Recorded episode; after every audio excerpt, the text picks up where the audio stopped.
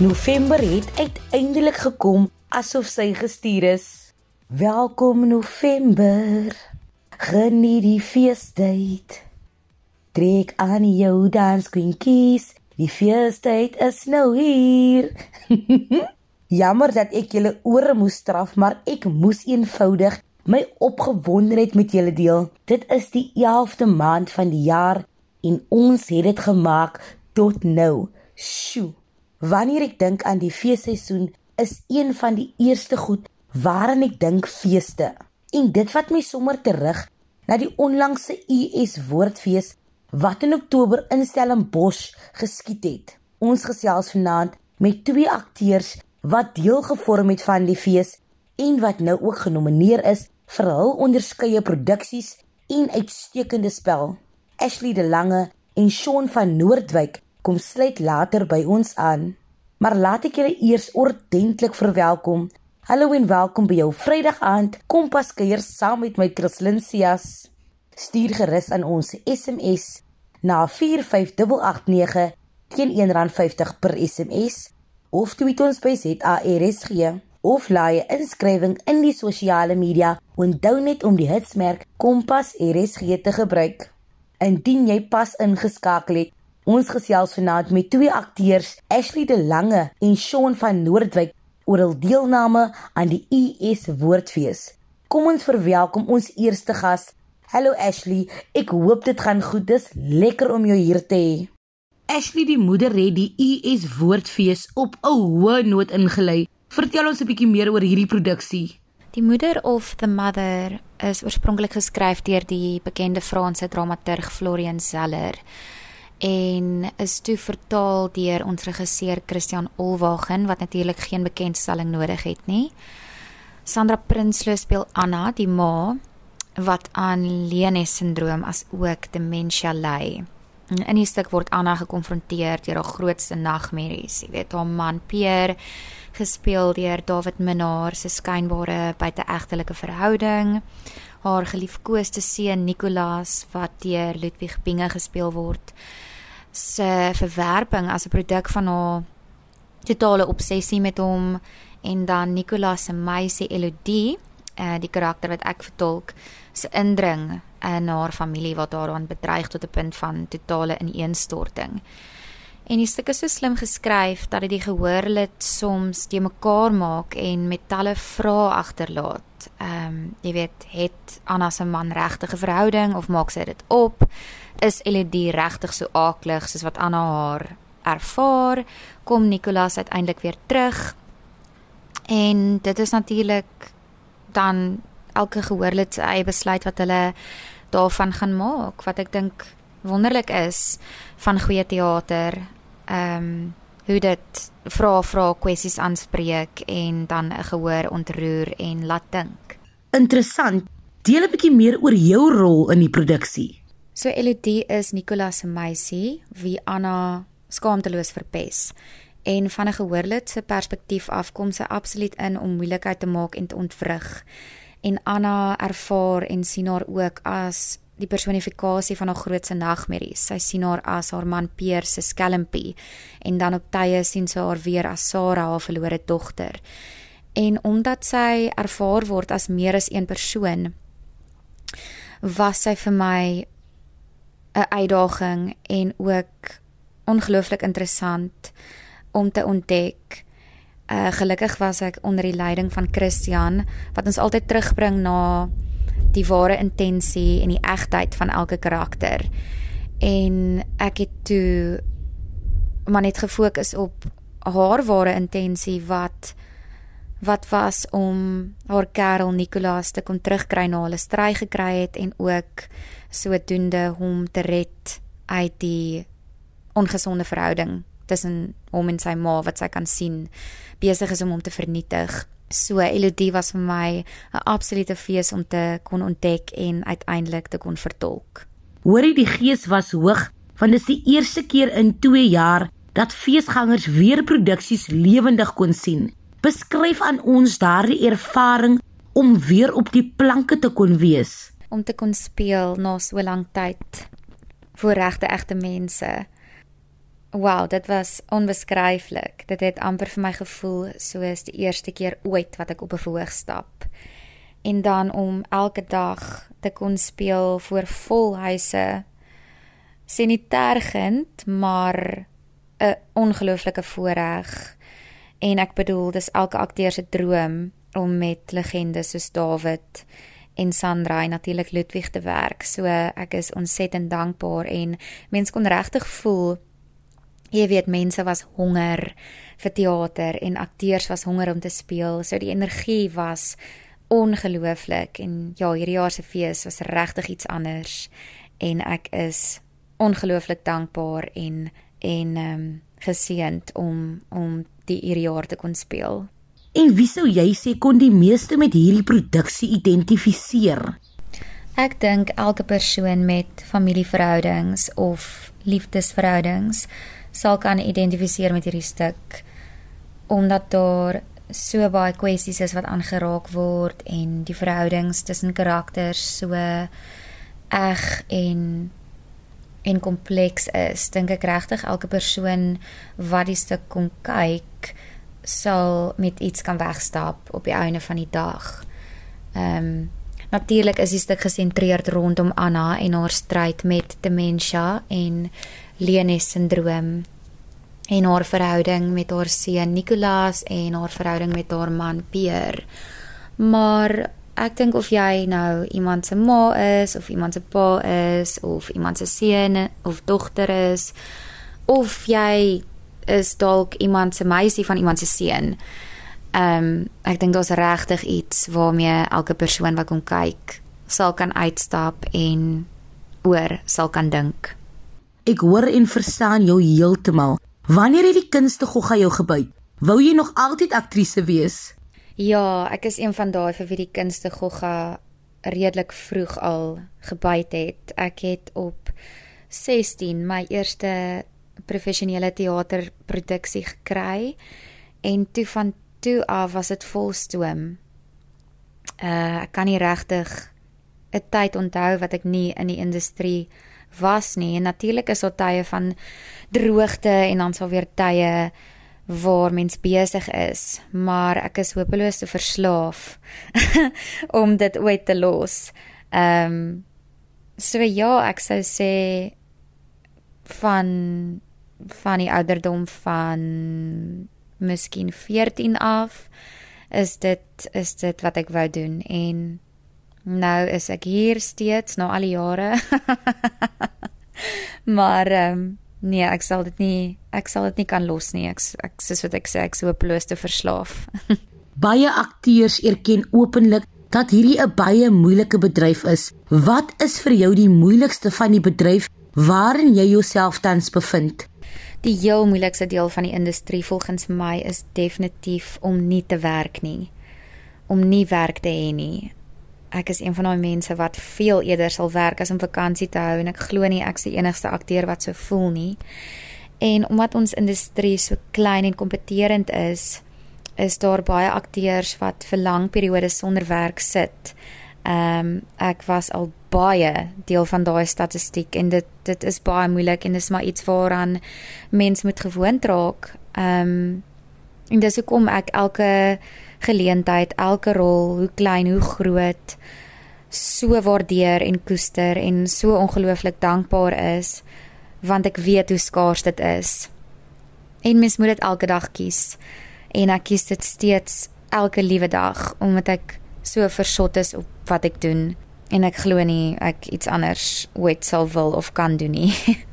Hoorie, die moeder is genomineer. Hoe voel dit om een van die genomineerdes te wees? Dit was 'n totaal en alle verrassing om te hoor dat ek genomineer is by die Woordfees. Ek meen daar was tonne produksies en talentvolle akteurs en ehm um, ek het nie in my wildste drome gedink dat ek sou genomineer word vir hierdie rol nie. So ek is oorweldig met dankbaarheid en ek sou nie kon regkry wat ek het sonder die leiding van Christian nie en sonder die inspirasie en koestering van Sandra en David en Ludwig nie. En um, ek is net so geseënd en ongelooflik trots om te kan deel wees van so 'n talentvolle geselskap En ehm um, ja, net die die geleentheid om te kon speel was vir my die groot wen. So ek kan maar net ek kan maar net vir die Here dankie sê vir die geleentheid en ek bedoel dis altyd lekker om erkenning te kry vir jou werk. Ehm um, so ja, oorweldig met dankbaarheid. Baie baie geluk. Ashley, dit lyk of daar groot dinge op pad is vir jou. Waarna kan ons uitsien? Alhoewel ek ook nog nie weet wat my volgende rol gaan wees nie, sien ek klaar uit daarna. Dis maar 'n klassieke wag en kyk situasie. So ek dink julle kan uitsien na my wat uitsien na my volgende rol. Ehm um, ek is mal vir komedie en vir drama en ek's mal vir 'n uitdaging. So ek hoop dat my volgende rol so uitdagend vir my sou wees soos wat Elodie vir my was en ek sien uit na nog teater en nog TV en film en totdat dit kom wag ons maar geduldig en kan ek maar net dankbaar wees vir die geleentheid om nou werk te kon hê en om te kon speel. So ons moet maar net wag en sien wat volgende gaan gebeur. Mens weet nooit. Hy is dalk net om die draai. As jy 'n boodskap kan oordra aan iemand daar buite, veral wat dit die kunste en teaterproduksies betref, wat sou dit wees, Ashley? As ek 'n boodskap kon oordra, uh sou dit wees wees oopkop, be open-minded vir al wat teaterproduksies betref, want dit is tog 'n weerspieëling van realiteit. Dit is daar om mense te laat dink, om vrae te vra, om moeilike kwessies aan te spreek en om mense te verryk op die einde van die dag. Die kunste is daar om om jou as persoon en jou perspektief bietjie te verryk. So wees oopkop en gaan kyk teater en geniet dit vir wat dit is. Daar gaan soveel moeite en aandag en bloed en sweet en trane in teater in en in enige produksie in of dit nou TV of film of teater is.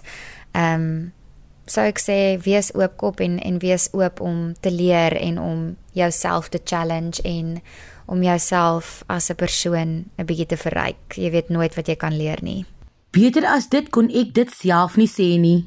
Daar is net iets omtrent 'n fees wat 'n mens lig en lekker laat voel.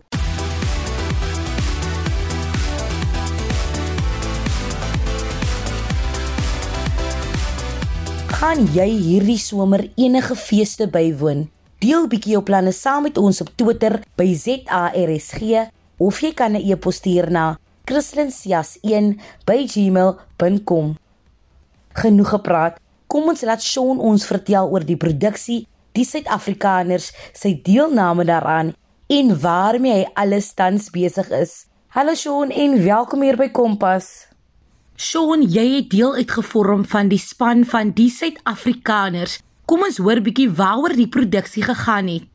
So die Suid-Afrikaners is 'n debuutteks deur Beyers de Vos, um, onder leiding van Wessel Pretorius wat ons regisseur was en dan in die geselskap was dit Hannah Bothwick, Kanya Viljoen, Wian Taljaard en dan myself. En die Suid-Afrikaners speel af in die jaar 2052 in 'n post-apocalyptic Suid-Afrika. En my karakter, Karel, is 'n dokter in 'n vlugtelingkamp waar letterlik net hy en sy Karel die enigste twee oorblywende Afrikaanssprekendes is. Maar Karel voel dat hy kan nie meer hierdie lewe hanteer in Suid-Afrika nie en dat sy enigste oplossing tot 'n nuwe lewe en 'n beter toekoms is om oor see te gaan. Maar die enigste manier om oor see te gaan is om op 'n skip te kom, maar hy kort 'n vorm van betaling om op die skip te kan kom. So dan ooreed hy sy kerel Casper om saam met hom twee vrouens wat alleen in 'n ou plaashuis woon te gaan beroof en moontlik iets waardevol te kry wat hulle toegang kon gee kan gee om op die skip te kan kom. En dan wanneer hulle daar arriveer, is daar beslis natuurlik interessante gebeurtenisse wat plaasvind. Ek wil eerder nie te veel weggee nie, maar wat ek wel sal sê is dat daar word beslis interessante gesprekke gevoer tussen hierdie vier oorblywende Suid-Afrikaners wat letterlik die laaste vier Afrikaans sprekendes ook is. Lekker man. En was dit vir jou lekker om weer voor 'n gehoor te kan optree? Kan jy daardie gevoel aan ons beskryf? Ja, ek is beslis weer opgewonde oor die bedryf en oor die toekoms van die kunste.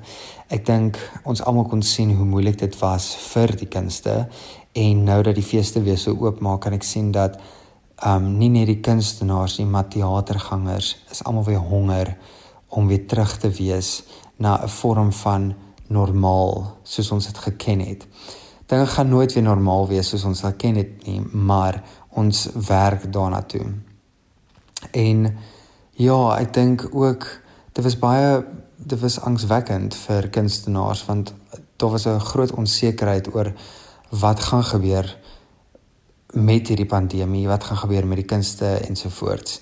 En ek is ontsettend opgewonde want die deure is weer besig om oop te maak. Daar is nie meer jy mag nie meer seker hoeveel dit mense in 'n teater wees. Hierdie teaters sien ek onlangs dit dit is weer vol. Die die voete is weer in die deur in en ek dink ook die kunstenaars is net honger om weer stories te kan vertel.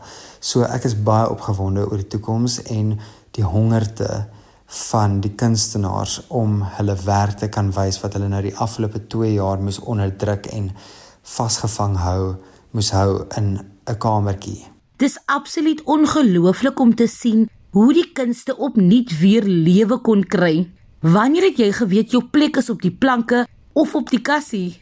Weet jy in alle eerlikheid dit was letterlik een van die hoogtepunte van my loopbaan sover. Ek uh, doen al teater vanaf ek die engel in die kerk gespeel het toe ek vir Maria en vir Josef na die stal toe moes vat en dis daar waar ek my passie vir drama ontwikkel het alreeds as 'n klein chokkertjie En toe het ek drama op skool gedoen. Ek het op eh, op ehm um, hoërskool het ek deelgeneem aan die Stad Kaapstad toneelspel kompetisie waarin ek derde gekom het. Ehm um, en dit was my finale magneet wil ek amper sê wat my getrek het om drama te gaan studeer by Universiteit Stellenbosch. Ehm um, en ja, my my my reis in my loopbaan was nogals interessant want ek het direk na universiteit ehm um, van teater na agter die skerms ingeloop. So vir my om weer op die verhoog te kon wees was letterlik it was dit was asof ek teruggekeer het na my oorsprong toe.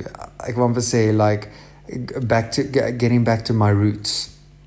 En ek het ek het nog vir almal gesê dat ek kan nie wag net om weer vir die eerste keer in 7 jaar die gevoel te kan ervaar om voor 'n gehoor te kan staan nie. En ja, as ek dit in woorde moet omskryf, daar sal regtig nie woorde wees nie. Daar's nie 'n gedig wat dit sou kan opsom nie. Daar's nie 'n liedjie se lirieke wat dit kan beskryf nie. Daar is nie 'n kunswerk se verf wat dit kan uitbeeld nie, want dit is net dit was dit was magies. En het jy dan nou enige ander drome gekoester as kind of wou jy maar altyd akteur en aanbieder word? So as dit kom by beroepe, kan ek letterlik vir die hele alfabet opnoem van alles wat ek al wou doen. So ek wou 'n dokter word, ek wou 'n ruimtevaardiger word, ek wou 'n veearts word, ek wou wel nog steeds 'n groot gedeelte van my, maar ek glo dit sal nog eendag gebeur wanneer die tyd reg is, maar onderwyser. Ehm um, ek het my dramagraad voltooi aan die Universiteit van Stellenbosch en my plan was oorspronklik om direk na um, my graad in drama my nagraadse onderwysstudies te doen want ek wou baie graag soos wat my onderwysers um in my kinderjare 'n groot impak op my gehad het, wou ek baie graag dit teruggee aan die jeug van vandag en ook terugploeg um en wat my onderwysers vir my beteken het, wou ek teruggee aan die jeug van vandag.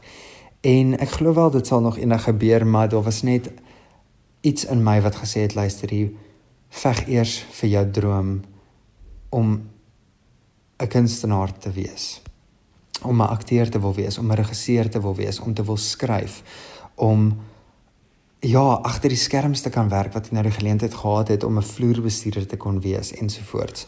Maar my grootste passie sal altyd wees om 'n akteur te wees.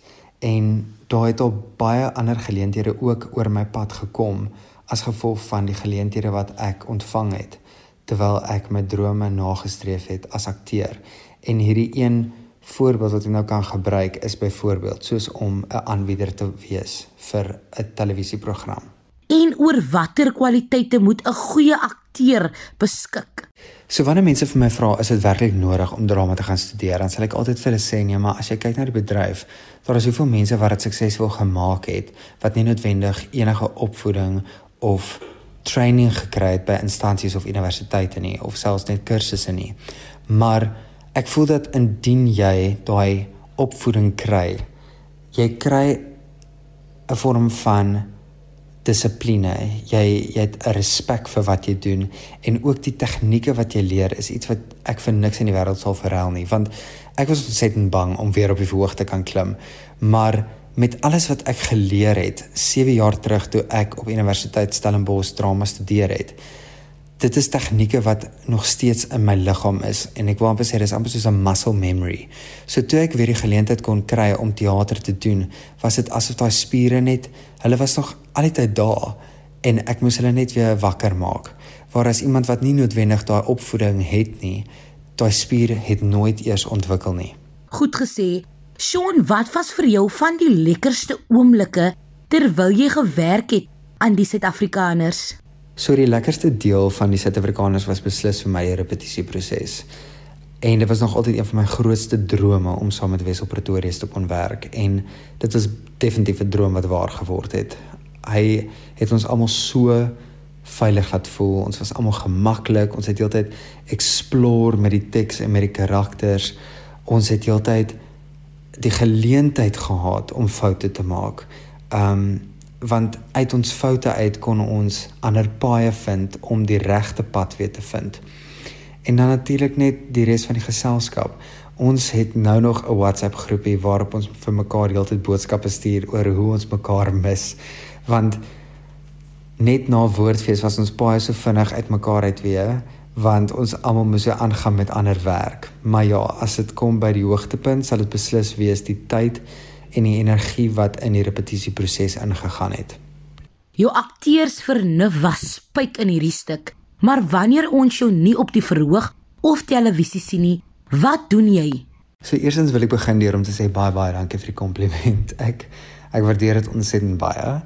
En dan ja, dit is al amper 'n jaar en 6 maande sedert ek klaar gemaak het by getroud met rugby wat beteken ek was 'n jaar en 6 maande al 'n vryskut kunstenaar iets wat ek nog nooit ervaar het in my loopbaan nie. So ek leer maar nog ontsettend baie hoe die bedryf werk, veral met die bedryf wat nou eers weer stelselmatig oopmaak. Ek audisie vir alles. Ek lees nog steeds ontsettend baie. Ek is baie lief daarvoor om te lees. Ek oefen nog steeds gereeld. Ehm um, dit is 'n uh, dissipline wat ek beslis geleer het by getroud met rugby omdat ek konstant in 'n fisiese posisie moes wees om gesond te wees en gesond te lyk en 'n sekere manier te lyk. Maar my passie het nog steeds daar gebly selfs al het ek klaar gemaak. En ek dink ook dit is baie gesond vir my as akteur om net daai beginsels te behou om 'n gesonde buitekant te hê, maar ook dan 'n gesonde binnekant. As dit kom by my geestestoestand, is dit ook baie baie belangrik het ek agtergekom vir 'n vryskut kunstenaar want jy gaan goeie tye hê en jy gaan slegte tye hê en jy moet maar net altyd moet jy probeer om daai skaal waterpas te hou. Natuurlik moet ek vra waarna kan ons uitsien?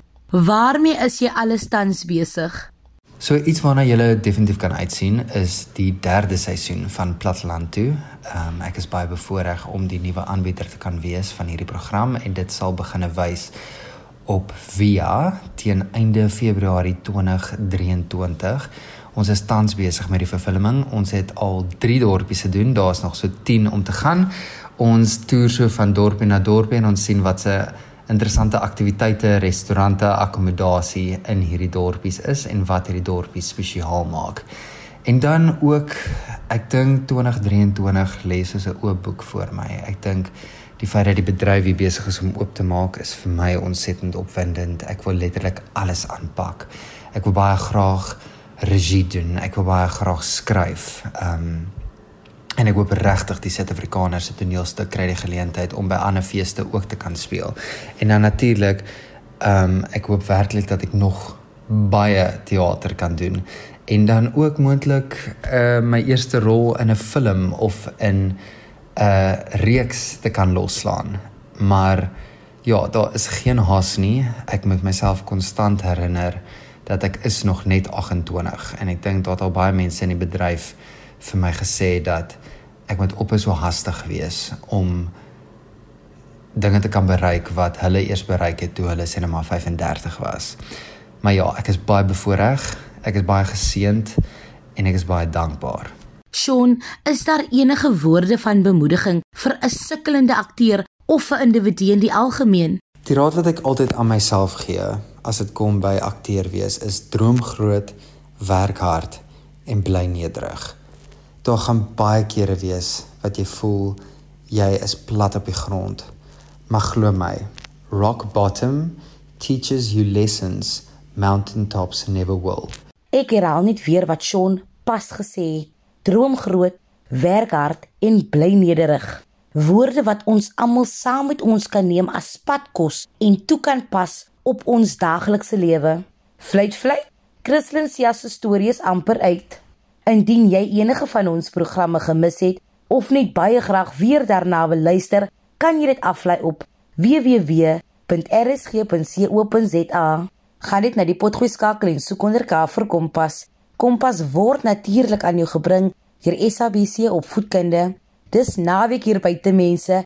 Wees lekker en wees veilig van my Christlyn en die span hier by Kompas. 'n Lieflike en 'n lekker naweek verder.